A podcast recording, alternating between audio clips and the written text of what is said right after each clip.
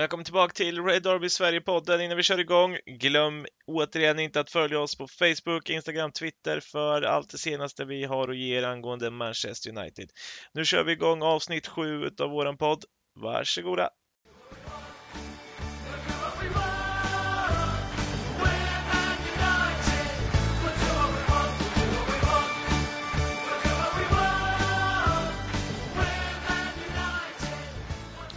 Då rullar vi igång det sjunde avsnittet av Red Army Sverige-podden och det är eh, återigen eh, Jonas Andersson, jag alltså, Adam Stenberg, Mikael Krekula som kommer ta igenom eh, framförallt det första vi tänker snacka om, Liverpool-matchen som spelades nu i söndags. Eh, vad säger ni grabbar? Första intryck, eh, framförallt kanske först, välkomna. Tack. Tack så mycket. Tack. Ja, men första intryck från matchen, vad säger ni? Första intrycket av matchen? Ja, bara så här kort, vad säger du?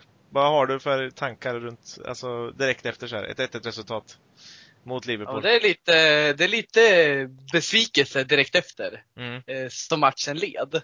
Jag eh, hade ju inga förväntningar att vi skulle göra något stordåd inför matchen, men som förfarandet blev så vi skapade tillräckligt mycket chanser, eller vi var tillräckligt farliga i alla fall, för att vi skulle kunna få tre poäng. Och målet kommer ju lite snöpligt så att säga. Eh, så det är klart man, man önskar man kunde fått ut mer som det blev. Mm. Ja, men, mm. Visst är det lite så att jag, jag, är otroligt nöjd med en poäng mot Liverpool med tanke på ja. sett hur, hur klubbarna ser ut just nu. Eh, men att precis när domaren blåser av så känns det ändå lite tomt. Ja men exakt och det känns lite så här i hettan efter matchen, man, fan vi skulle kunna fått med oss tre poäng. Men sen när man har kylt ner sig lite och liksom kommit i fas, då, ja, men då är man ju nöjd med ett poäng såklart med tanke på hur bra Liverpool har varit. Eh, som det ser ut för oss nu med den klassen vi har, med den omställningen vi gör med hela truppen, så är jag ju nöjd. Men mm. så matchen i sig, om vi bara sätter 90 minuter, då tycker jag att vi kunde fått tre poäng. Så är det. Ja, det är alltid lite surt och 86 minuten som vi släpper in leder stora delar av matchen egentligen. Så det, det, är klart, direkt efter så känns det väldigt surt. Men man hade väl ändå tagit en poäng på förhand. Det hade man väl. Så att det får man ändå säga okej. Okay, plus att insatsen lovar, lovar lite mer också inför framtiden. Mm. Ja, det är ju på något sätt, jag tycker det som är plus det som du nämner där Adam, att vi skapar liksom ändå chanser. Eh, vi är farliga nog eh, och att eh, Daniel James och, Rashford tillsammans där uppe bidrar väldigt mycket till just de här farlighetschans, alltså farliga chanserna. Ja, det är ändå, ja, förlåt att jag avbryter, men det är ändå, det är ändå Rashford och James som är våra två bästa spelare. Och mm. det är liksom de som var forwards tillsammans med Pereira egentligen också, som var nästan som en forward också. Mm. Så det är ju, det lovar ju gott. Det är inte ofta vi kunde säga det den här säsongen. Nej, var... alltså, ja, vi har ju en taktik som eh, hämmar Liverpools spel. De får inte uppnå bolltempo. De får ingen fart på sina ytterbackar som oftast är väldigt givande i deras anfallsspel. De blir rätt statiska. Liksom. De, de kommer till lite skott här och var och de får lite halvchanser. Eh, Alltså jag tänker främst i första halvleken då, då vi är som bäst. Och det, det är ju där liksom, man känner att eh, vi skapar ändå lite halvchanser vi är med. Vi, vi borde kunna göra bättre ifrån oss på det vi skapar och då ser vi framförallt att eh, Pereira slår bort några givande lägen. När han mm. eh, sätter en bra press och vinner boll och sen när vi kommer till eh, liksom den avgörande passen eller skottet så sumpar han det. Mm. Och det är ju där man, det är ju liksom det som är grunden till att man känner att man kanske skulle kunna fått in ett mål till i första halvlek. Och det känns ju positivt. Eh, och det är ju som bekant, det är sådana här matcher vi gör oss när vi får lite ytor bakom backlinjen. Liverpool står jävligt högt ibland. Och mm. när vi kontrar, vi, vi har väldigt mycket ytor. Mm. Även och... mellan deras backlinje och mittfält. Ja, jag tycker och sen är det ju det är så jävla svårt att möta Rashford och James i de där lägena. Mm. När de får ytor, det är ju en mardröm. Rashford plockar ju Van Dijk för fan. Både i fysisk styrka och när han väl får ytor. Då. Så att, Tänker du på mm. eh, närkampssituationen ute vid... Ja, precis. Ja. ja det är ganska, ganska coolt att, att, se ändå Van Dijk rabbla för Rashford. Man blir, ja. rätt, man blir lite extra glad som United-supporter. Men alltså jag tycker också att vi faktiskt slår de här bollarna. Dels att Rashford löper mer i den här matchen än vad han har gjort på väldigt länge. Mm. Eh, jag vet inte om det är rent statistiskt, jag har inte kollat den statistiken, men, men Eh, Nej, men han får ju det, mer ytor. Han, han, får ju ytor ja, och spring liksom. Det får han inte riktigt mot Newcastle. Men bollarna kommer ju på rätt ytor också. Mm. Ja, och Jonas, jag tror det handlar om att vi liksom har en formation som gör att vi nästan, vi nästan tvingas till att slå längre, rakare. Vi tar inte lika många touch, vi tar inte mm. lika många pass. Vi försöker ju i den här ordinarie uppställningen där vi har nummer 10 att nå den, även fast vi aldrig når den. Men tanken är ändå att vi ska använda nummer 10. Nu känns det som vi tar lite längre bollar. När McTominay får bollen så går den i djupet. Mm. Eh, det känns så, som att vi kanske borde testa att slå lite rakare med ordinarie uppställning, men nu så blir det nästan inget val för att vi är så mm. tunna mm. på mitten. Vi har två spelare mm. och de är underbemannade mot Liverpool. Så då går det inte att använda centrala delen som en utgångspunkt. Då får man mm. gå längs kanterna och det vore ju tokigt annars om vi kör med wingbacks och inte använder dem då. Ja men precis, och det känns lite som att eh, ytorna ute på kanten där Rashford och James löper in i under hela den här matchen som hamnar någonstans bakom att Robertson och, och, och Trent försöker lyfta där ute. Eh, det, det, det, blir ju som att de är inte stängda för att vi har någon som står där ute redan, utan wingbacksen då är lite längre bak. Vilket är de som kanske ytterbackarna fokuserar på, och då kommer de här löpningarna från Rashford och James. Det, det ser i alla fall ut så hela tiden och det, ja, det såg väldigt bra ut. Sen tycker jag att Pereira såg bra ut i pressspelet igen, men saknar som sagt den där sista kvaliteten eller beslutsfattningen egentligen att göra rätt saker. Även om han stod och, och lekte lite och, och såg ut ungefär som i Offside-filmen där, när han stod och hoppade på bollen.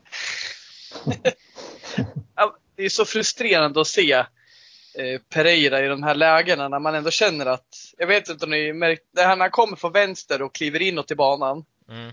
och liksom var skottläge och man vet ju att ja, han har hyfsat skott när han får till det. Mm. Eh, så man förstår varför han skjuter, men samtidigt testa att slå ut bollen på, eh, på AVB som kommer på rulle, så sedermera slå in den. Men så tänker inte Pereira. Och det som är så fascinerande med honom, alltså, han är onekligen ett högt självförtroende. Oh ja. Han verkar ju blåsa av all kritik och allting han får emot sig, för man märker att vissa är på honom ibland på matcher. Mm. Men samtidigt hur man kan ha så högt självförtroende, det kanske är rätt logiskt, men han har också en jävligt risig självbild. Han verkar tro att han är en stjärna med tanke mm. på hur han, hans beslutsfattande. Att han skjuter i vissa lägen, att han klackar när vi har världens anfall och då liksom, så man undrar, tror Pereira att vi leder med 3-0 eller? Varför klackar han när han, ja det han kan är ju att slå inlägg. Varför ska han hålla på och klacka och larva sig för då? Jag, jag mm. fattar mm. inte det. Han har, han har onekligen en en felaktig självbild av. Men han har alltid varit stjärnan när han var yngre. Han, var ju, han har alltid varit en av de största talangerna i, i Europa till och med. Så att han har alltid haft den bilden om sig själv och liksom fått den hypen kring sig. Sen är väl den inte riktigt motiverad sett till de senaste säsongerna där han har harvat runt i mittenklubbar i La Liga. Men, men ändå, det är, väl, det är väl den bilden han har om sig. Och den är inte riktigt motiverad just nu. Nej, och alltså jag vet inte om ni såg den här situationen. Det var den, kanske den jag varit mest arg på under hela matchen. Men eh, i första halvlek, han kom, får bollen någonstans i mitten och driver den lite utåt höger, vilket gör att Matip kliver över. Samtidigt drar Rashford ut åt vänster, vilket gör att Trent drar isär och det blir världens lucka i mitten där James kommer och löper. Och istället för att slå den passningen så skjuter han, tror jag. Ja.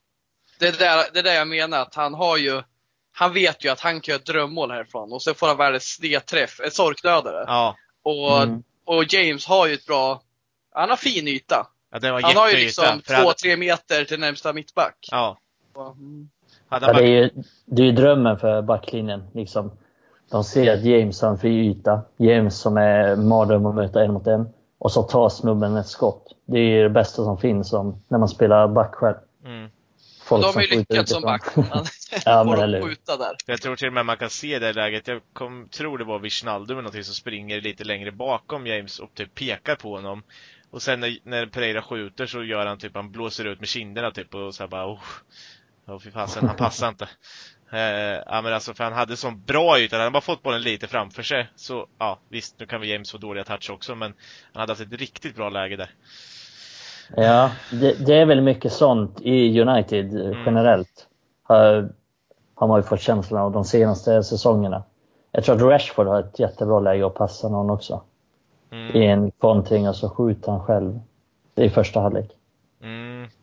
Det var lite så överlag tyckte jag att det var lite fel passningar här och där när de väl kontrade och det är väl det som har varit även i de här andra matcherna när vi har mött de sämre lagen att de har ju kanske lite fler spelare hemåt till och med än vad Liverpool har i de här lägena. Men att man slår fel passning hela tiden. Eller slår passningen ja. med för dålig kvalitet. Den blir lite ja. bakom. Ja, då måste James stanna upp och då får han, måste han peta sig förbi spelaren för att komma förbi. Ja, ja men det, är lite sådär hela tiden. Men vi har ju inte en tydlig funktion när vi ställer om sådär. Jag tyckte till exempel igår, Rashford som gör en jävligt bra match, men han kommer liksom ett läge då James går i djupet. Och då försöker Rashford slå den precis på fötterna på honom när han ska gå i djupet. Mm. Istället för att hitta ytan. Alltså bara han slår den över backlinjen när han kliver förbi mittlinjen. Så uh, kommer ju James nå den. Sen mm. kanske inte han går på mål direkt, men han får ändå vidare anfallet. Och där mm. känner jag att vi, vi liksom antingen slår vi för korta djupledspassningar som går på backen eller så slår vi för rakt på den djupledslöpande mm. spelaren. Och det är bara att använda ytorna. Alltså vi behöver ju inte vi behöver inte dribbla oss fram, vi kan bara använda speed. Mm. Och James, om, han, om bollen går så långt från backen det går, men ändå inte utanför linjen, så kommer James med största sannolikhet nå den. Han är mm. extremt snabb och det gäller ju samma med Rashford.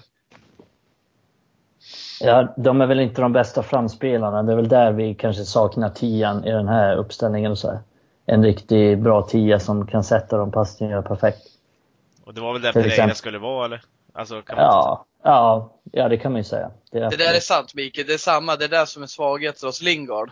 Att ja. han är väldigt bra på att länka upp och slå på fötterna och eh, alltså, eller väldigt bra. Men det han är bra på, det är ju när vi går från försvar till anfall och han får länka med en anfallare eller mittfältare och han liksom är en del i snöret som går. Mm. Medan det man önskar mer från Lingard är att han vågar slå mer i djupet och så. Men det är som du säger, vi har ju inte riktigt de spelarna i de berörda vi pratar nu. Och där är ju Pogba. Eh, det är där man saknar med att ha Pogba ja. som nummer 10. Ja, absolut. Och sen har vi ju lite Ole var inne på det lite på presskonferensen. Jag vet att Juan Mata sa i en intervju nyligen att, vi, att Juan Mata pratar allmänt om att fotbollsspelare idag är lite för rädda för att misslyckas. Så att man slår hellre en safe passning. Och det är givet att att anta att han har tagit det från eh, dagens United. För det är mycket, mycket safe-spelande och det sa Ole också att vi måste våga ta, vi måste våga ta risker i de passningarna.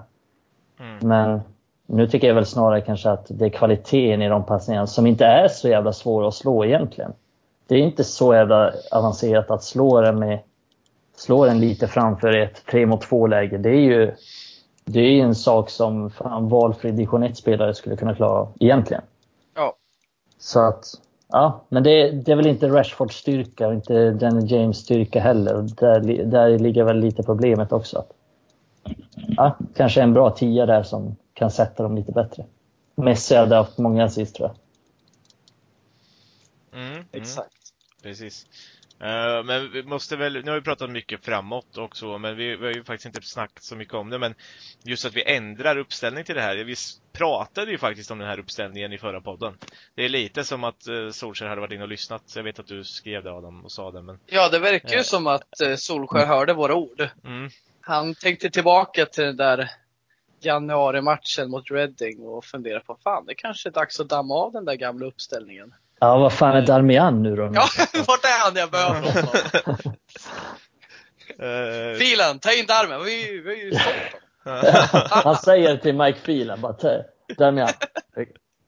Nej, istället så fick han stänga av brödrosten för Rojo och damma av honom också. Ja, det där var ju lite spännande för Tuan Sebe eh, var ju tänkt att vara där och sen skadade han sig. Mm. Då kommer Rojo in. Och Rojo gör en godkänd match. Mm. Han, eh, han ligger ju bak, ja, han ligger bakom målet, men liksom överlag. Jag tycker han, han gör inte bort sig och han passar väldigt bra in där i trebackslinjen.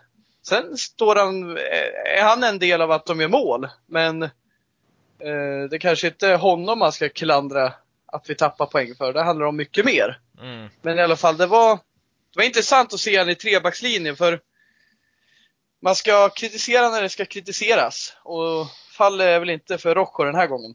Även fast han väldigt ofta ingår i den avdelningen. Mm.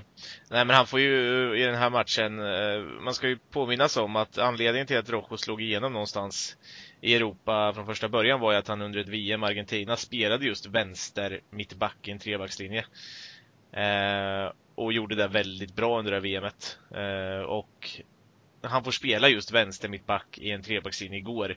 Kanske den positionen som är som utgjuten för en spelare som Rojo.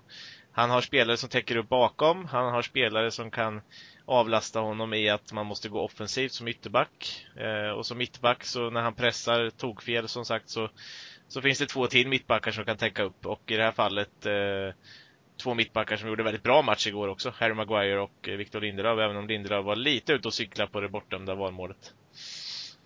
Mm. mm. Men vi, vi har ju ändå hyfsat material för den här uppställningen. Mm. Speciellt vad gäller mittbackarna. Jag tycker att egentligen alla, alla mittbackar vi har, förutom kanske Phil Jones, passar bäst i den här uppställningen skulle jag säga. Mm. Lindelöf, Tronsebe, Maguire, alla de passar jättebra i en trebackslinje. För alla de är liksom hyfsat rörliga, bra med bollen och så. Ja, så det... Att, det tycker jag ändå på så sätt. Och sen är ju fan mittbackspositionen kanske en av de starkaste i United just nu också. Så att, så att det är, ju inte helt fel att liksom överbelasta på den positionen. Men passar inte uppställningen Solskärs idé bättre också? För att är någon idé man kan se så är det väl att han vill att eh, mittbackarna ska följa sin spelare och vara tätt upp i rygg. Titta mm. eh, vet du, Lindelöf på Origi i, i första halvlek där. Det blir mål sen också och eh, även i andra halvlek när han bryter den får man ner. Han är ju uppe nästan, han är framför Fred i alla fall i det här läget och tar den bollen. Ja, det har han väl inte, så har, vi, så har han ju inte agerat tidigare riktigt. Nej, han har ju följt upp en bit, men inte riktigt Nej. hela vägen och då blir han för långt upp och då hamnar han lite fel istället. Men, mm. med, men med vetskapen om att det finns två mittbackar till så, så vågar man nog det där. Alltså, mm. Jag tänker så här att ja, det, det, i den här typen av matcher mot Liverpool, mm. det var därför vi snackade om det innan också. För att i den här typen av matcher så passar det ju United bra att spela. Mm. Ja, det var ju nästan en 3-4-3 skulle jag säga igår. Så att Ja, i den här typen av matcher absolut. Då passar det. Sen får väl se om det är någonting för framtiden. Det är ju inte mm. omöjligt. Man skulle behöva en bättre vänster wingback åtminstone. Ja, eh, och i att, höger också egentligen. Ja, men alltså han, jag tror fortfarande på AVB, men han behöver ju utveckla sin offensiva kvaliteter för att det ska... Ja, absolut. Jag, jag, jag älskar ju honom som ytterback. Eller älskar, men han... Men i en wingback-roll, då blir inte defensiven lika viktig. Mm. Och då måste han bidra ännu mer offensivt och det tycker jag inte riktigt han har i sig. Jag skulle nästan vilja, hellre vilja se honom som mittback i så fall. Faktiskt. Jag, jag, jag håller med dig. För alltså, jag tycker han gör jävligt bra match igår. Jag tycker faktiskt att eh, han är bättre offensivt i den här matchen än den i andra matcher. Jag tycker att det blir naturligt när han länkar med James i den här. Och det är tydligare att han ska gå lite mer mot slutprodukten i den här matchen istället för att bidra till ett får inte säga det ordet egentligen för svärfar, men ett handbollsanfall. Misstolka mig inte, men när bollen går från höger till vänster i väldigt eh, dålig rörelse. Mm. mm. Han gillar inte när jag säger så, för han älskar handboll och det är inte söligt, säger han. men, och ibland är det. med, med det sagt, jag tycker absolut att eh, det är waste att ha honom som höger, höger wingback. Jag tycker mm. han är så bäst som en högerback i en fyra. För det är hans defensiva egenskaper som är våra bästa. Och det här som höger wingback, då ska du ju till och med kunna slarva lite med hemåt jobbet för att du är en del i offensiven. Så till exempel när den här wingbacken har anfallit nyss, då blir ju höger mittbacken en högerback, liksom bara flyttar över sådär för att stötta. Eh, därför funkade till exempel Alonso jävligt bra i, då när Chelsea var som bäst med mm. sin fembackslinje. Men i alla fall, och jag håller med dig där. Då skulle man ju nästan vilja ha som en mittback just för att man kommer sakna hans defensiva egenskaper. Och att han inte är den mest sexigaste mittbacken offensiv, eller högerbacken offensivt. Han tillför för lite för att bli wingback. Han kommer aldrig bli någon, men i sådana matcher så funkar det. Men eh, jag tänker det är inte så många matcher en... vi kommer kunna köra det här. Nej, men jag tänker att Dalot är den perfekta wingbacken till höger. Absolut, för han suger ju defensivt. Om jag ska uttrycka mig milt. Ja. Men jag, jag ser ändå att, alltså, man får ge någonting att han skulle ju behöva stå, alltså Wan-Bissaka skulle behöva stå och nöta inlägg i, i, i ett par månader. Eh, 24 timmar om dygnet.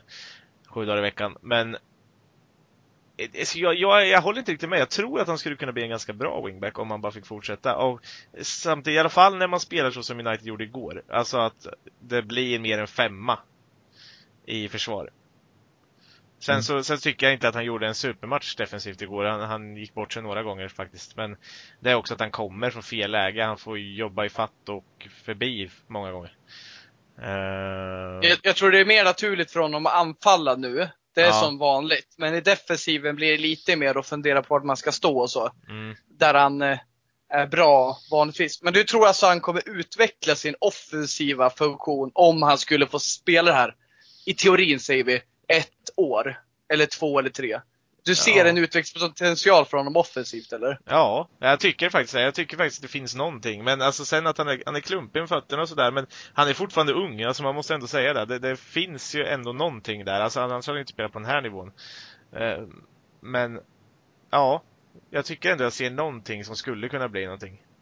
Vad fasen, har Valencia klarat sig med att bara slå hårda inlägg i, i 700 år så, så kan väl han klara sig. Ja, fan vad man saknar hans skott in. Ja. Springer allt vad han orkar ut i kanten och sen, som en tv-spelsgubbe. Så här, ja. Fifa 98 eller någonting. Och så bara vänder han in mot planen, så bara, som en kanon in. Då räckte det med att man satte fram höften ungefär så vart det mål. Och det där är ju lite konstigt, alltså det blir svårt att jämföra också för mm, Valencia ja. hade ju bra inläggsfot en gång i tiden. Mm. Och den bara försvann. Ja, sen var han så lite... kommer du ihåg den här säsongen när han liksom levererade nickbollar till Rooney? Typ 10 nickbollar en säsong. Ja, ja otroligt. Fan vad Rooney bra, var bra då. Ja. Mm. Men jag tycker att det, jag tror fortfarande att det är lättare att lära sig det än att lära sig bli så där bra försvarsmässigt. Som han redan är. Ja, vet fan, jag håller inte riktigt med dig. Jag, tror, jag tror inte han har Ni, ni behöver inte hålla med mig, men jag, jag tycker ändå att jag ser någonting. Men det är... Ja. Ja. Mm. Ja, det är värt att fundera på. Ja, det, ja, det absolut det är det. Mm. det är ju inte katastrof wingback i vilket fall som helst. Det är fortfarande en, en, en helt okej okay för sätt vad vi har för spelare, men ja. Vem, Nej, absolut. Så, vem, skulle han, vem skulle han peta i en mittbackslinje då? Alltså det är lite där också. Uh, ja, jag, skulle peta, jag skulle peta Lindelöf, så skulle jag ha Transebe, Maguire och AVB. Men... Mm. Men ja, det är Sen är ju Lindelöf såklart en bra spelare så det är ju inte orimligt att han tar någon av deras platser men så skulle jag ställa upp just nu. Mm. Om vi tänker den positionen. Jag förstår. Bara lite så här. Jag har inte pratat någonting men vi hade ju faktiskt två mittfältare här någonstans också som sprang och jobbade väldigt mycket i tysta tyckte jag. Jag såg inte mycket av dem överhuvudtaget men det var väl mycket på grund av det rakare spelet och och uh, att vi försvarade mycket. Men jag tycker fortfarande Fred och McTominay gör helt okej okay matcher också. McTominay syns inte lika mycket som i andra matcher, men uh, som sagt, de fick jobba mycket i, i det tysta också. Springa mycket och täcka mycket ytor. Men de, uh, den här matchbilden passade verkligen Fred och det har vi snackat om tidigare. Vi fick ytterligare mm. fog för det. Mm. Jag känner att han går bort sig några gånger. Det får man göra i den där rollen som han är det är inte lika illa när vi står högt över laget och vi har långt till backlinjen. Nu mm. stöter det på och sen får han liksom stöd från eh, spelare runt om. Jag känner att Fred bidrar faktiskt till att det här ska funka. Och han klarar det lite bättre när det är lite mer snabbare beslut. Mm. Alltså att han inte trampar på bollen. Och att han inte suger in den onödigt länge. Eh, det, det funkade bra. Jag tycker McTominay tog kampen där med, men Han har ju liksom, det blev väldigt mycket defensivt jobb för honom idag. Fast han är ju den som ligger bakom. Han får ju bollen direkt efter Lindelöf har eh, stoppat Origi och startar igång bollen till, som sedan leder till målet. Mm. Mm. Och då går det fort och det är ju så ja. Solskär vill. Mm. Det är det han vill, det ska ju gå fortare. Det ska inte vara så många touch och än en gång, det funkar bättre i, det här, i den här uppställningen. Uh, när vi möter sådana här lag. Mm. Uh, ser vi någon, någon utveckling att kunna använda det även mot, mot sämre lag? Uh, om vi säger så här, möter vi ett sämre lag som får för sig att ställa backlinjen ganska högt eller är ett utpräglat bollinnehavslag. Absolut, jag tror att vi kan få någon slags effekt på det. Bournemouth. Men möter vi ett lag som, ja precis, Bournemouth är ett bra exempel. Kanske, kanske Brighton. Eh, det beror mm. på lite hur, jag har inte riktigt bra koll på det här, men jag vet att de vill ha boll. Och de vill försöka spela sig ur lägen. Mm. Vilket kommer innebära att vi kan få effekt på vår press. Men eh, möter vi lag som backar hem lite, de vi har haft problem mot. Jag ser inte det här som nyckeln till hur vi ska spela. Det är lätt att säga att nu ska vi börja spela det här. Det här blev tre poäng, men det är en sak att möta ett bollinnehavsinriktat lag på hemmaplan än att möta något på bortaplan där vi har stora problem. Eh, men det är klart, tar man tre poäng, jag ser ju varför man, varför man tror det. Liksom. Mm. Ja, det är ju det kanske inte är dumt att testa i alla fall. Sen tror jag inte att det kommer ge särskilt stor effekt faktiskt. Jag kan inte riktigt se att det blir så mycket annorlunda. Mm. På det sättet. För att vi kommer fortfarande ha problem med att, med att bryta ner lag. Och det kommer inte ändras av det här, det tror jag inte. Men ja, det, det är värt att testa, det, det tycker jag ändå. Jag tycker också att det är värt att testa, för det jag ser där, det är ju att man skulle kunna spela med eh, förstå mig rätt nu, att man skulle kunna våga spela med trebackslinje och kanske en mer utpräglad 3-5-2 där wingbacksen eller yttrarna i det här fallet då blir kanske offensivare spelare i, i rent eh, i sin normala position. Man skulle kunna använda eh, ja, Dan James som en av de där Möjligtvis. Wingbacksen? Ja, ja, alltså ja, så, eller ytter. Alltså när man möter de sämre lagen. Jag alltså. tror vi har för eh, jag tror vi har för dåligt material. Det är mm. som ni säger, wingback, så man kan ha någon offensiv spelare men nej, överlag, jag tror alltså mm. Men vi har ju för dåligt det, material alltså, överlag för att spela många taktiker. Så det... ja, i och för sig, men jag känner inte att vi får ut tillräckligt mycket av våra wingbacks i den här matchen ändå. Jag tycker att de jag tycker AVB är en bra match, men jag känner ju att eh, mer är att vi kör ett rakare spel och att vi får effekt på Rashford och James på topp. Mm. Det är väl det tar som bort, funkar. Tar ni ner James som höger wingback, då har vi liksom... Men det där känner då, har vi då, då hans vi in, fot där uppe. Då får vi in Martial där uppe istället. Ja, det är så jag också tänker. Spelar James eh, wingback, då får vi in Martial istället. Men det jag tänker är att i en sån här 3-5-2 eller 3-4-3 eller vad det är, då det som gynnas mest är ju mittbackarna då. Mm. Som jag tycker blir bättre då. Och sen anfallarna. Rashford framförallt. Mm. Trivs när han har någon bredvid sig. När han, har, när han, inte ens, han ska inte spela striker. Han ska inte spela ensam striker 4-2-3-1. Just nu i alla fall. Men får han en, några lekkamrater, får han ytor, får han röra sig lite mer fritt, får han kanske utgå mer från... Han var ju ändå lite mer även om han var hyfsat centralt så var han ju ändå lite mer till vänster. Mm. Så att få han den typen av roll, då är han ju bättre. Så att han gynnas nog av det här. Han och mittbackarna plus ja, James då som, och Pereira som spelar framåt. Men sen har vi wingbacksen som, som blir lite sådär för att vi har ingen riktigt bra wingback för det här systemet, tycker jag inte.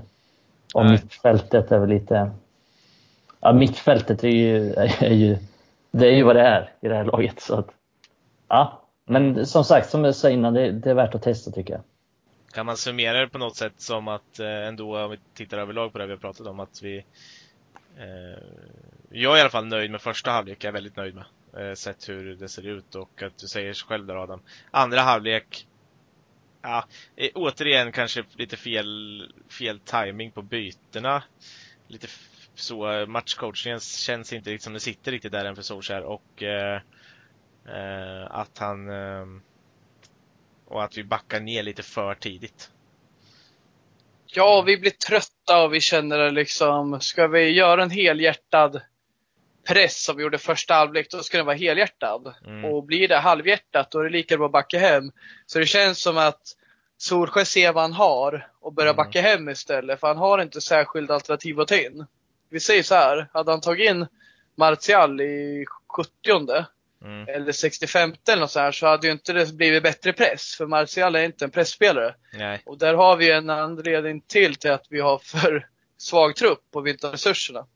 Så det är ju som du säger, vi backar ju hem liksom. Och det finns, eh, det finns anledning till det. Men det är klart det är tråkigt, men det är så det ser ut.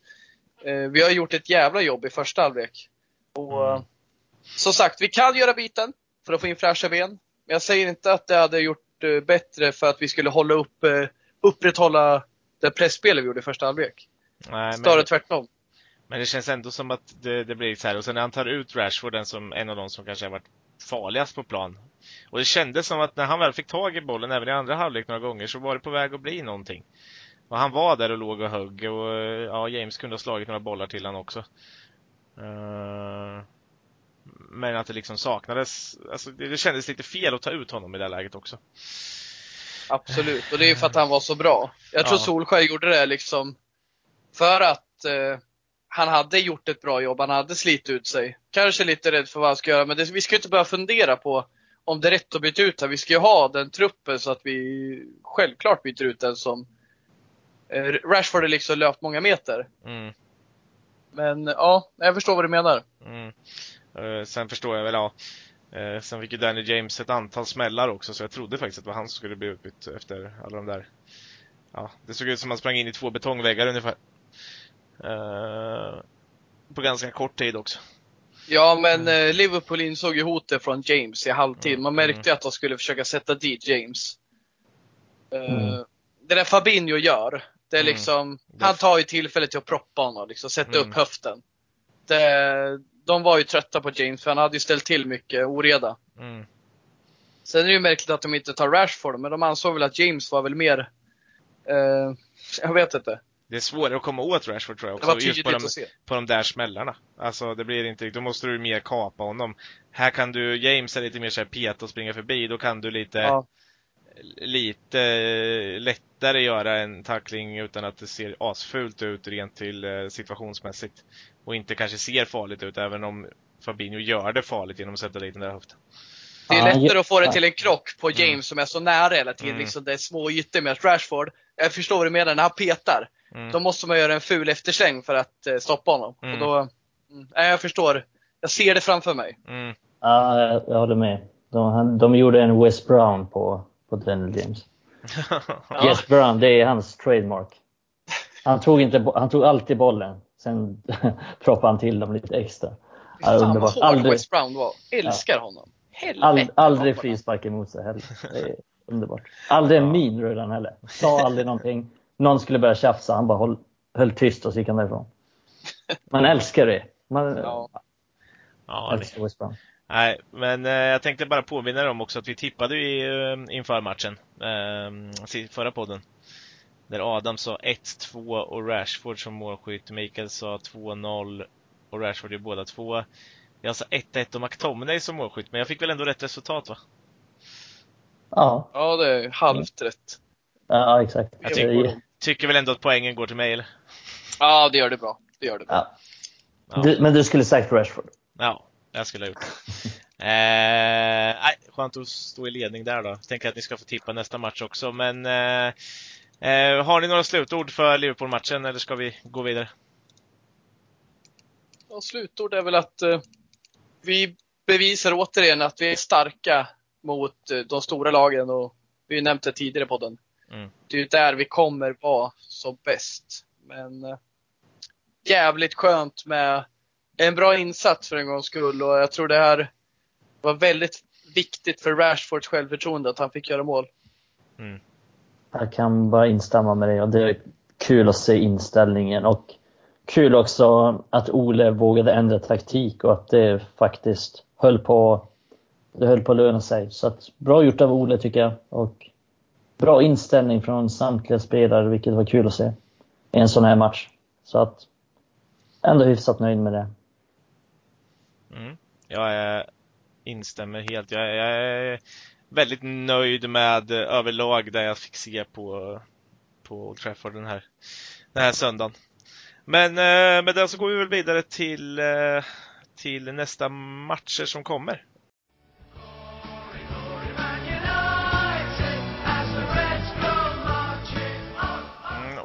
Ämnet som vi sa var ju nästkommande matcher. Och eh, ja, nästa match är ju Europa League, eh, Partisan mot eh, eh, borta blir det. Eh, och eh, sen har vi även eh, bortamatch i helgen då på söndag mot eh, Norwich. Men om vi bara börjar med Partisan där. Eh, ännu en bortamatch och eh, vi hoppas väl på att få se eh, Eh, lite mer av våra nykontrakterade ungdomar. Tänker jag i alla fall. Ja, absolut. Det tycker jag. Speciellt med tanke på att bortamatch på torsdag, sen har vi bortamatch i Norwich på söndag. Så att det måste bli många ändringar i, i startelvan tänker jag. Så jag hoppas på, jag hoppas på starter på Greenwood, på Gomez och på Brandon Williams. Sen har jag inte mycket hopp om start på James Garner men Ja, men det, vore det var kul. kul. om man, det var kul om man fick starta men bara att han är med liksom i, på bänken nöjer jag mig med.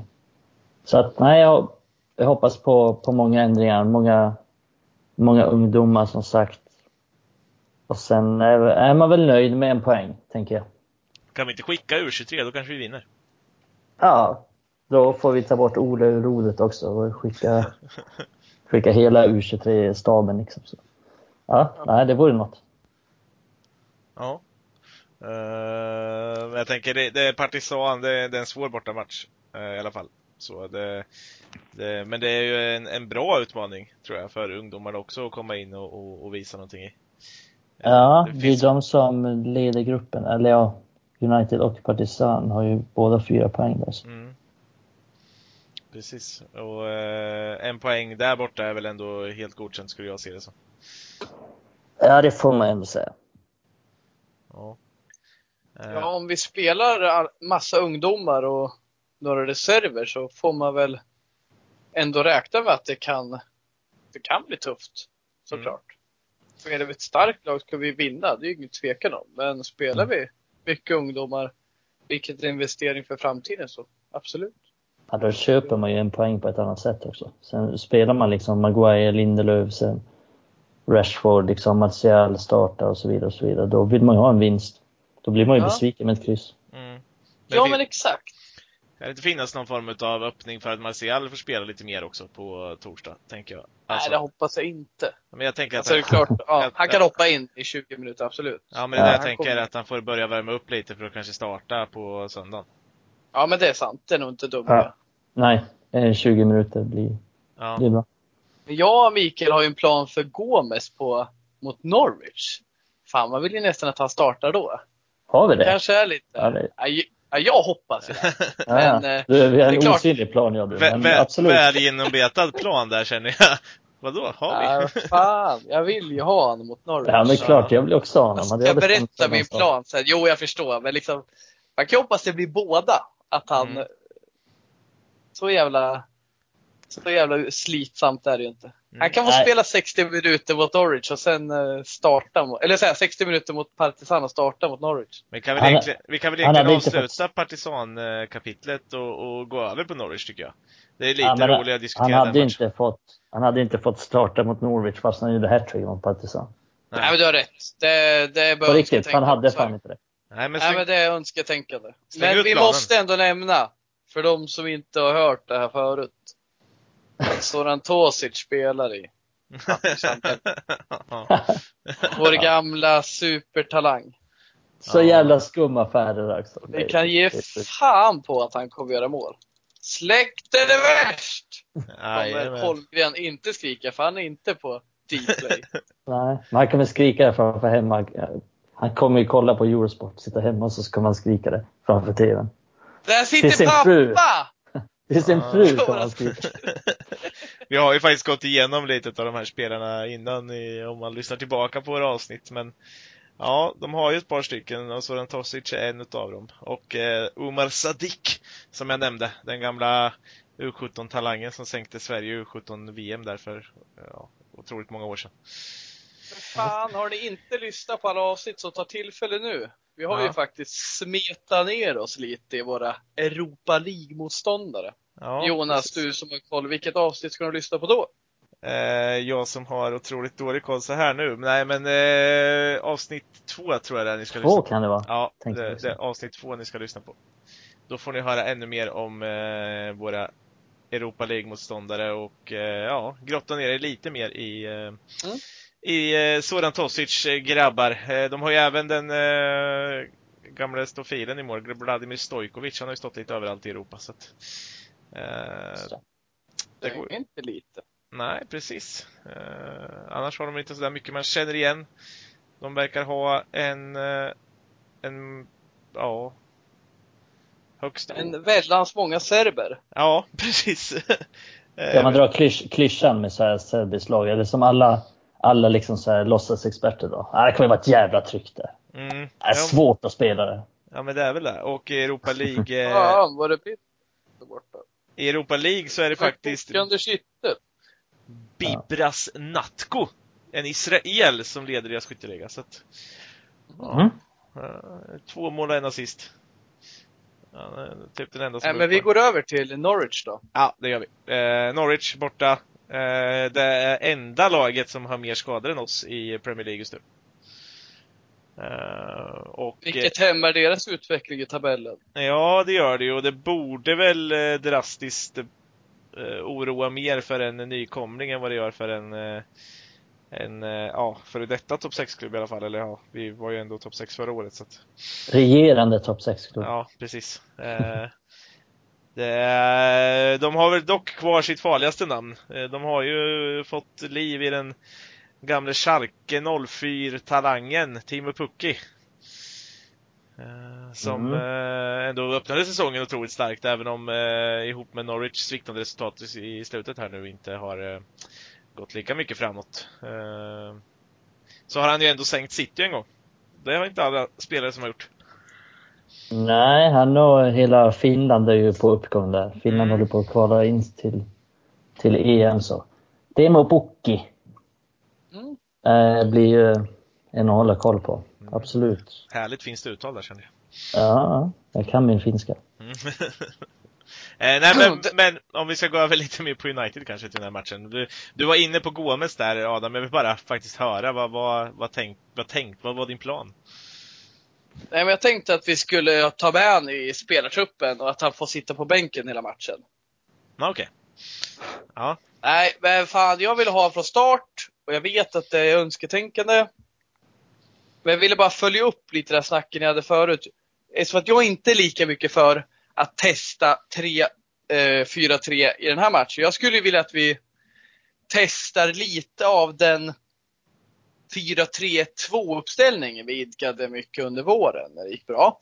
Jag säger inte att det är en taktik som funkar jämt.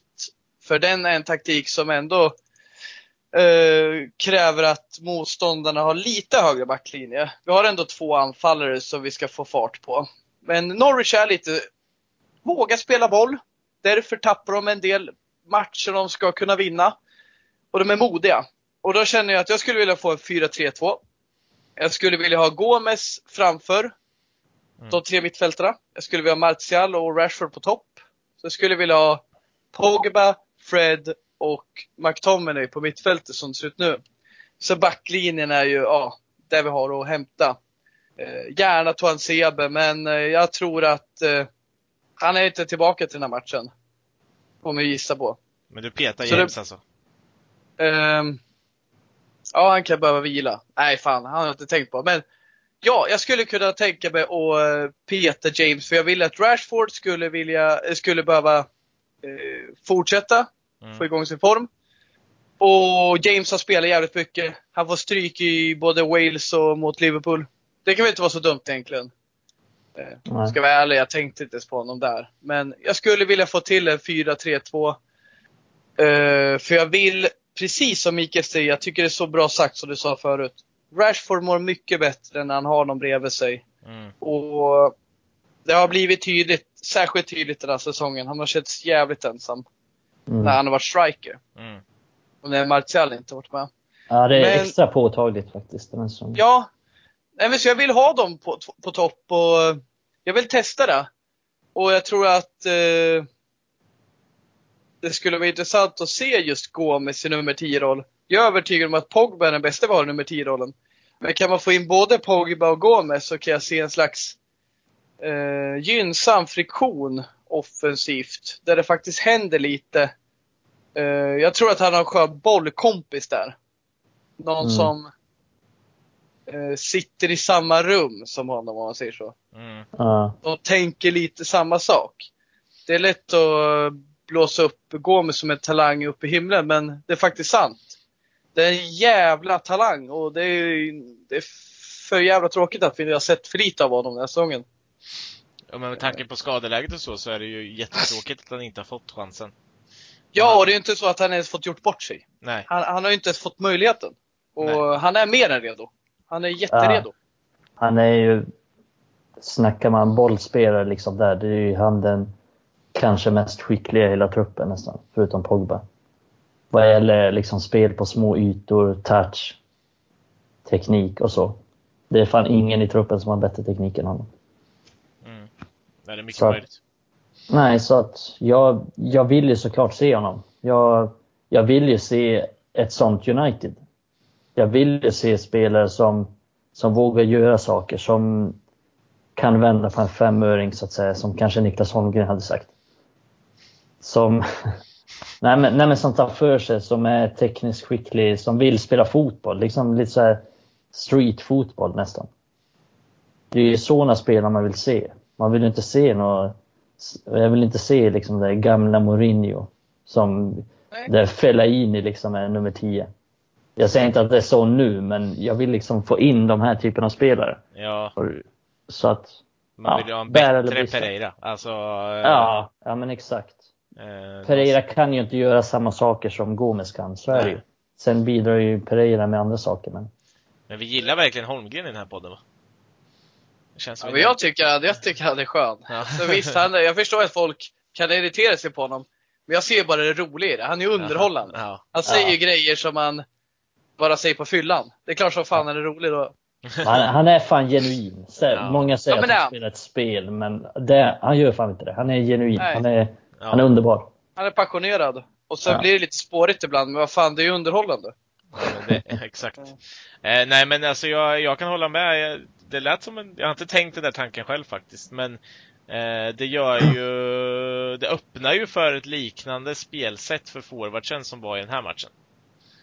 Eh, att ja. Rashford får eh, arbeta lite in och ut ännu mer, som han gjorde faktiskt mot Liverpool. Mm. Och United är som bäst när de får byta lite positioner där framme, när de inte är stationära. När Rashford kan glida omkring lite vad han vill, när kanske en Gomes kan glida omkring, när kanske en Pogba kan få, få gå ut till vänster och sen vara i mitten och sen kanske Daniel James är lite mer enkelspårig på så sätt. Men, men det är väl då United är som bäst tycker jag. Mm. Och de har ju den typen av spelare. Martial kan spela lite överallt där fram. Rashford kan det. Så det tycker jag vi ska utnyttja mer. Ja, och en McTominay som inte är ovillig att följa med heller. Jag tänker att om, om du ställer upp dem sådär så skulle jag vilja ha Fred den, som den som säkrar upp i så fall. Den mm. som ligger lite bakom de andra två ändå. Uh, inte, ja. inte, inte som ett ankare, men ändå som, som är den som, som stannar lite. För att jag är, det är lite som du säger, han ska inte behöva trampa på boll och trampar han på boll där framme känns det som att det inte händer så mycket. Mm. Men eh, ja, det lät faktiskt spännande. Ja, tanke som... Hoppas Ole lyssnar på podden igen. Ja. Att han ger det mer än ett avsnitt. ja, uh, han verkar ju ha fattat. Precis. Nej men uh, det här 4-3-2, det funkar ju bra väldigt många matcher förra året och just jag kanske inte tror att det funkar mot Burnley, men som det funkade mot lag som har tryckt upp lite och vågat spela lite som Norwich. 4-3-2 eh, funkar extremt bra mot eh, Arsenal i FA-cupen förra året. Mm. Några andra matcher med. Så mm. det, det vore intressant att han, och även kul att han vågar testa nytt. För om vi säger så här, Ole, om man tittar på sig själv, han har ju haft problem i många matcher när han kört samma uppställning. Han har ju inget att förlora på att testa något annat, för han vet ju att han är liksom, han har ju ögonen på sig nu. Mm. Oavsett vad man tror. Nu räddar han sitt liv lite mot uh, Liverpool här tror jag. Alltså ändå, alltså inte, inte att de skulle få sparken, men det höjde nog hans kapital mer den här matchen än vad det, vad det sänkte honom. Ja, men ja, lite det... som jag menar, att han, mm. han vågar testa ny taktik och det vet han att allt mm. jag gör nu, jag måste testa något. Jag måste visa att jag vill något annat. Och det mm. gör han ju med en ny formation. Ja, det var modigt av honom, det får man ge. Mm. Mm. Ja, han gör det jävligt eh, bra. Jävligt bra ja. mot Liverpool. Med... Ja, kul att se. Hur startar vi där bak då? Med, med tanke på uh, konkurrenssituationen. BRAVB är väl säker. Uh, Shaw är ju faktiskt rätt oklar. Han står inte med som skadad längre, men han verkar inte vara med någon annanstans heller. Så att, uh, uh, känns lite oklart på honom, men det känns väl som Young mm. kanske där ute då. Vilka startar som mittbackar? Ja, det känns jag tror att eh, AVB startar. Ja. Jag tror att Lindelöf, Maguire och Young hänger med där. Mm. Jag vet att Young, eller Ola har ett gott öga för Young och jag tror att han kommer starta honom. Så jag tror jag faktiskt att Shaw kommer hoppa in. Mm. Eh, om det så är, fan vad hemskt det, säger, det känns att säga, men om det så är för att täcka till och hålla en ledning eller om det är för att ersätta Young. Så tror jag att det är så han kommer köra in Shaw. Som du sa Mikael, förra podden. Podd kommer ju, eller vad säger jag, podd, vad säger jag? Shaw kommer ju inte tillbaka som, ja, med tvättbrädan väl trimmad liksom. Nej. Nej, det är han, inte han har ju svårt att komma tillbaka. Eh, det har han verkligen. Och, ja. Eh, ja det, det får vi se hur han ser ut nu. Jag har inte sett honom faktiskt sen eh, på några bilder direkt. Är det någon som har gjort det? Har du sett eh, Austin Powers någon gång? Ja. Du vet hans ärkefiende den som är väldigt hårig? ja, ja. ja. Ja, han. Är det han? Det är inte han, men nästan. Nej, jag vet inte. Fan, det blir mobbning. Men... Ja. Ja, men så svårt kom i form helt enkelt. Ja. End of story. man, kan inte mobba, man kan inte mobba någon som står högre upp i rang. är det så? så är det. Ja. Man, han har en McDonalds-kropp utav dess like. Luke Pod som han nu kallas. Nu Luke Pod. Ja. ja. men Rune hade ju samma problem och det är ju så med dem. Ja, ja men jag håller med. Han har lite samma kropp som Rooney. De är ändå så här överraskande svinsnabba. Ja, det är mm. en fascinerande kroppstyp. Men ja. ja. ja jag, tror, jag tror också på samma, jag tror på samma backlinje. Jag tror att Young startar ändå. Mm. Och eh. jag tycker det är välförtjänt. För Young har varit... Helt okej. Okay. Ja, han, han, får ju alltid skit. För att han är Young, för att det är liksom, det är trendigt att såga honom. Sen är han ju inte perfekt alltid, men jag tycker fan han är stabil alltså. mm. Och sen startar Maguire och Lindelöf och AVB. Mm. Inga konstigheter. Nej. Det känns som att Young eh, tabbar sig var sjätte match, eller var femte match i alla fall. Mm. Om det nu går bra för honom så kommer han ändå tabba sig snart, så det är det som är hans problem. ja. Och ja, nej. Jag tycker ofta han är bra mot uh, lite starkare lag, så gör han jävligt enkla tabbar i vissa matcher. Så. Ja. Mm. Det, det, är därför han är reserv. Mm. Absolut, och det ska han vara. Det är, det är inte så att jag vill ha in, att jag förespråkar för att få in honom permanent. Det tycker jag inte, absolut inte. Men jag tycker han är en stabil truppspelare ändå. Han får oförtjänt mycket skit ibland. Mm. Mm, jag är med dig.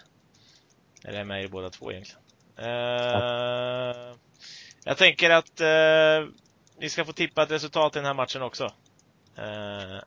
Det, Mikael börjar ju sist, så varför ska inte Adam få börja nu då?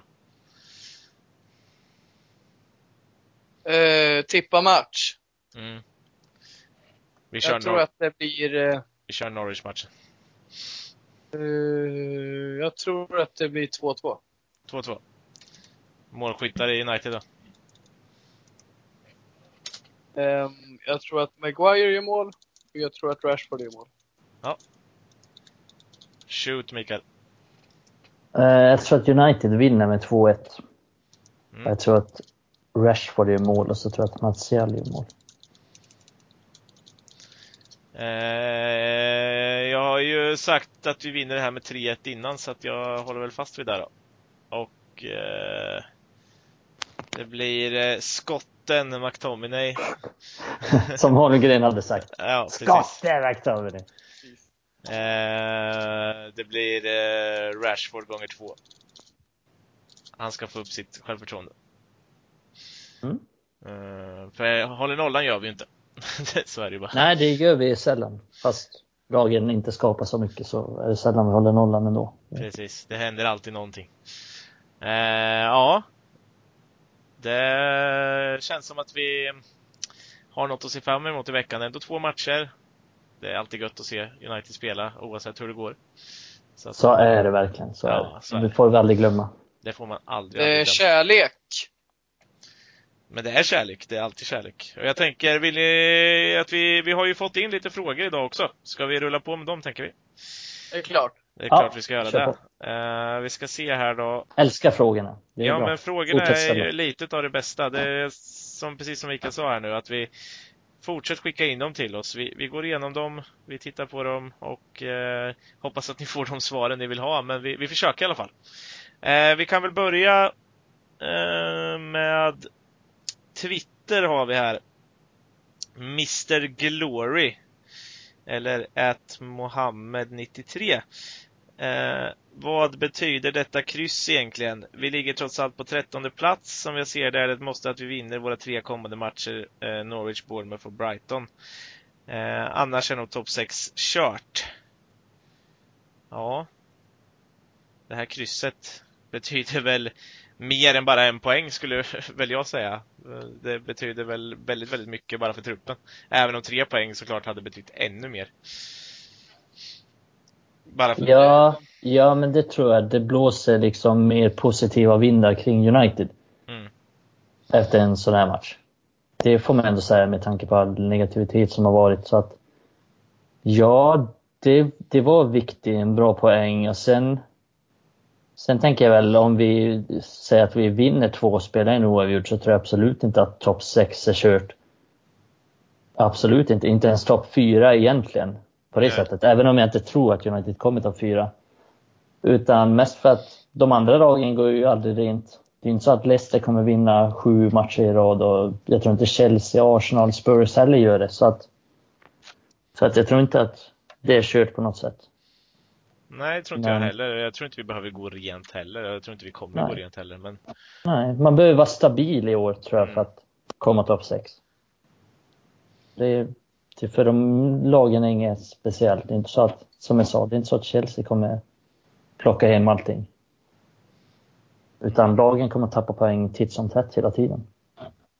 Precis. Har Adam någonting? Nej, det är väl det att liksom kryss i den här matchen, det säger inte så mycket. Det är klart. Jag tycker vi varit rätt rättvisa vår kritik liksom. När vi kryssar en sån här match, ja då är man ju då ser man ju för vad det är. Och sen om vi kryssar mot ett sämre lag eller förlorar, ja då är det inte bra. Nej, det beror på lite hur det ser ut. Ja, det här krysset tycker jag inte säger så mycket. Det säger att vi är bra mot bra lag. Mm. Men eh, jag vill ju mer veta vad vi kan göra mot sämre lag och särskilt på bortaplan. Det är jag nyfiken på. Mm, ja, för egentligen, det är egentligen inget nytt att, det är egentligen inget nytt att vi spelar bra mot Liverpool och Chelsea. Och, mm. Nej. Och det, det, har vi ju gjort i flera säsonger nu, faktiskt. Ja, och risk för att låta negativ, men liksom, det här säger inte mig så mycket om vår insats idag. Den är liksom lite där vi anpassade för. Det blir imponerad av det är när vi börjar göra något med bollinnehav och börjar skapa chanser med ett tydligt system. Mm. När laget backar hem. Det är ju det som säger mig någonting. Men poängen betyder ju fortfarande någonting. Alltså det gör den ju. Den betyder ju väldigt mycket tror jag för laget i sig. Mm, att, man, att, man, inte åker på den där 3-0-pumpen som alla hade räknat med. Ja men som jag sa också, jag, jag tror att det, det, blåser lite positiva vindar kring mm. det krysset. Och det tror jag gör en del för truppen. Och speciellt som vi var inne på tidigare, Rashford som gjorde mål också. Så att... Det ger andrum om inte annat. Ja, yeah. precis. Mm. Eh, vi hoppar vidare. Chimichurri.11 skriver på Instagram. Eh, anser ni ett ägarbyte vore lämpligt ifall det fanns ett sådant? Ja. ja. Eh, och vilka hoppas ni på att Manchester United plockar in under januari-fönstret? Och vilka får lämna klubben då? Eh, ja, om vi tar ägarbytet då. Ja. Ja. Enklaste svaret, eller frågan någonsin. Svaret. Ja! Mer sådana frågor. Hur ska det gå? Vem som helst, förutom Mike Ashley, men precis vem som helst. Jag skulle kunna ha en Boris i Ullared. Vem som helst. Hur dum i huvudet än är, bara inte Glazers. Ja, ungefär så. För då försvinner nog Woodward med det här paketet också, så att... Uh, ja. ja. Det, jag tror inte Woodward svar. nödvändigtvis är, är kass på sitt jobb. Eller ja, det är han ju uppenbarligen på sina arbetsuppgifter. Men jag tror att han kan vara bra på att locka in sponsorer och sånt. Där har han ju uppenbarligen gjort ett bra jobb. Men man ska ju vara så jävla långt ifrån ett beslut vad gäller fotboll som det är möjligt. Mm. Ja men precis, han har ju fel roll. Han har fel jobb. Ja. Mm. Han ska inte jobba med den arbetsbeskrivningen. Precis, han, precis som du säger, han ska inte med fotboll att göra. Nej, sen har han förmodligen en jävligt kompetent snubbe liksom på sitt område. Ja, det men han kan, ju, han, vara. han kan ju fixa sponsorer så det heter duga till, det, det, det, har vi ju sett. Ja, men United går ju bra liksom mm. så här intäktsmässigt. Så. Ja. Uh, ett enkelt ja, kan vi säga. Och uh, vilka vi plockar in i januarifönstret har vi diskuterat faktiskt i både avsnitt 5 och 6. Uh, eh, så att jag tänker att vi tar, där vi kanske inte har nämnt då är väl vilka som kan få lämna klubben redan i januari. Och, och finns det någon sån just nu? För Nej, det är ja, väl det, det, är, det är väl om liksom Sanchez eller någon säljs eller så. Ja, eller Rock. Permanent. Men Sanchez lär inte säljas skadad, tror jag inte. Nej, uh... Nej men precis. Men det, det är väl det enda möjliga kan jag tänka mig. Ja. Rojo visst. Men han får ändå en del speltid så att Ja, men det skulle ju kunna vara typ ja. Det skulle kunna vara att Rojo drar. Att, mm. uh, det, det, är väl typ det. Uh, ah. Jag tror Jones kanske inte så önskad, men då skulle vi ha väldigt tunt. Mm. Uh, finns det en anledning att han är kvar? Ja, absolut. Precis. Jag tror också Nej, så tror alla blir kvar egentligen. Ja, jag skulle också säga att de flesta blir kvar. Uh, det är väldigt, väldigt svårt att se att du skulle sälja någonting speciellt uh, och det är ju ingen som är sådär eftertraktad heller. Inte av dem som vi vill sälja åtminstone. Och det handlar Nej. ju inte om att de är önskade, det handlar ju om att vi ska hålla ihop den här säsongen. Mm. Och sen om vi nästa säsong tar in fem pers så kan vi ta ut fem pers. Ja, absolut. Phil Jones vill jag inte ska vara kvar efter sommaren till exempel. Mm. Nej. Men det är ju en annan fråga. Inte Rocco heller. För den nej, precis. Nej. Uh, nej, och kanske någon annan också. Den här säsongen, jag tror det blir diskussion. jobbigt att sälja vissa spelare i halv... Men Sanchez gör inget om man säljer, för han, mm. han ingår ju inte i planen för nej, den här nej. säsongen. Nej, precis. Nej, och skulle, Roma, skulle Roma vilja köpa Chris Smalling så tror jag de kan få göra det också. Eh, mm. Helt ärligt så. Sen tror jag att Småling kommer gå till en engelsk klubb i sommar sen, men ja. Ja, eh, det låter mer rimligt.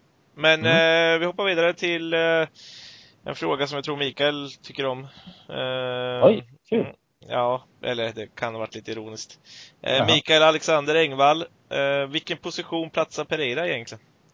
Eller passar, kanske jag ska så. Ja, det var en sån fråga. eh, det är rätt sköna stolar på Old Trafford. ja, det är det.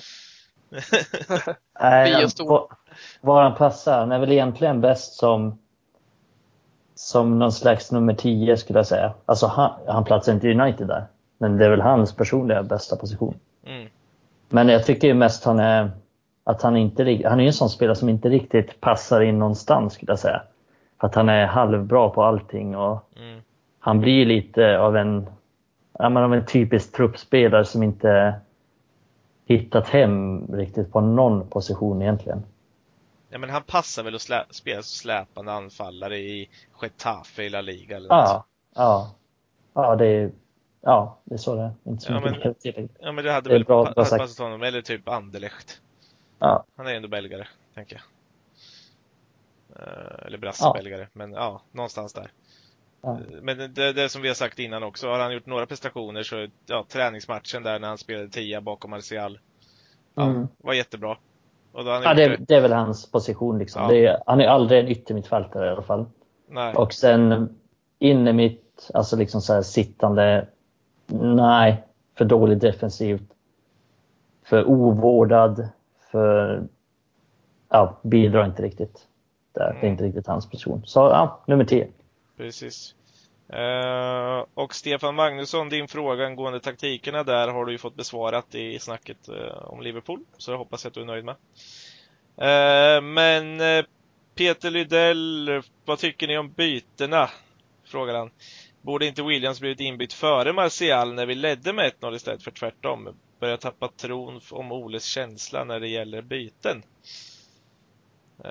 och det har vi varit inne och touchat lite på också att, men Mm. Ja, att Williams kommer in där. Eh... Ja, det var väl han på bänken som skulle kunna vara någon form av defensiv hjälp, känns det som. Som fortfarande skulle kunna uppehålla någon form av press. Eh... Mm. Så att ja, det hade man väl kunnat sett. Men eh, vi har ju kanske hackat lite på Ole innan om att eh, han gör bytena för sent. När det redan ja. står 1-1. Eh, istället för att göra det lite proaktivt. Alltså den här matchen blir lite speciell som vi sa tidigare att han har inga superbra alternativ för att upprätthålla den här taktiken. Mm. Däremot när han backar hem kanske han ska tänka på ett annat sätt och ta in de som passar. Mm. Eh, men jag ser det lite som det här klassiska när man kommer in i köket och ser berget av disk och man liksom bara suckar och går iväg. Lite så är det ju som när Solskär tittar på sin bänk överlag och det handlar nödvändigtvis inte om att bänken är dålig, det handlar om att han har så svårt att ta tag i sin bänk och sina byten. Mm. Det är som att han inte har knäckt koden med varför man byter spelare. Jag menar, han borde ju se vissa negativa grejer på plan. Oavsett om vi leder eller om vi ligger under. Mm. Men han har svårt att göra något med det och det är som att eh, det är inte hans grej att göra byten. Nej. Jag vet inte, de här kändes bara för att. Det kändes lite som nu låter jag negativ igen, men alltså det känns lite som division 7, att man ska låta, vi har snackat om det tidigare, man ska låta alla spela, man ska liksom ta ut den som är trött. Inte för att man är så cynisk taktiker som gör ett byte i halvtid. Mm. Man liksom får en spelare att bli jävligt sur på en, men man gör det för helheten. Mm. Inte bara för att hålla alla nöjda. Man gör det för att uh, lösa matchen. Nej, jag känner ju det överlag och jag tycker som sagt nödvändigtvis inte det. Den här matchen är ett sånt exempel, men överlag, Olle har jättesvårt med bytena.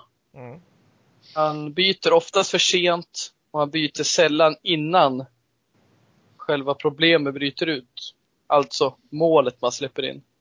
För då är det fort upp från bänken och slänga upp några uppvärmande killar. Mm.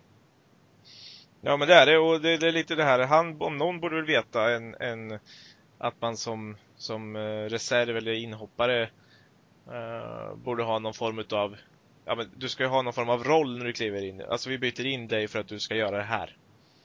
Mm. Uh, som han var. Du byter in dig för att du ska vara inne i boxen. Du ska vara, uh, visa din, din närvaro där inne och kunna peta in någon boll eller två. Men det känns ibland som att han slänger in typ Chong, Chong in och spring. Ja, precis. Ja. Det är liksom ingen taktisk förändring. Nej. Det är lite som när eh, Dalot skadade sig och han tog in Rojo mot Newcastle. Mm. Och vi liksom är ändå, det finns ju press på att göra mål, men han gör ett rakt backbyte. Istället för att tänka lite längre när han vet att någon håller på liksom, det är dags att byta ut den. Det mm. känns som att han är inte färdigutvecklad där. Och så kan det ju vara. Mm. Men, eh, ja, på hans fråga. Det är ett genomgående problem. Särskilt för den här hösten. Det blev jättetydligt. Mm. Ja, uh, det där var den sista frågan. Jag kan hälsa Marcus Pettersson att vi har pratat om din också tidigare. Uh, Vad var det för fråga då? Angående Rojo och hans prestation. Mm. Så den har vi faktiskt gått igenom. Mm. och ja, jag känner väl att jag, jag är nöjd med podden idag igen. Uh, och jag hoppas att ni två grabbar är nöjda också. Det är alltid kul. Ja. Men eh, jag säger så här grabbar, eh, och ni som lyssnar, att eh, det kommer ett avsnitt nästa vecka. Då får vi se hur United har lyckats i att eh, möta ett lag där vi ska vinna igen. Där tre poäng är ett måste egentligen, när man ser till förutsättningarna. Eh, och så får vi se vad vi har att säga då, om det är dystra eller glada miner. Men eh, jag tackar er för den här veckan. Hej då!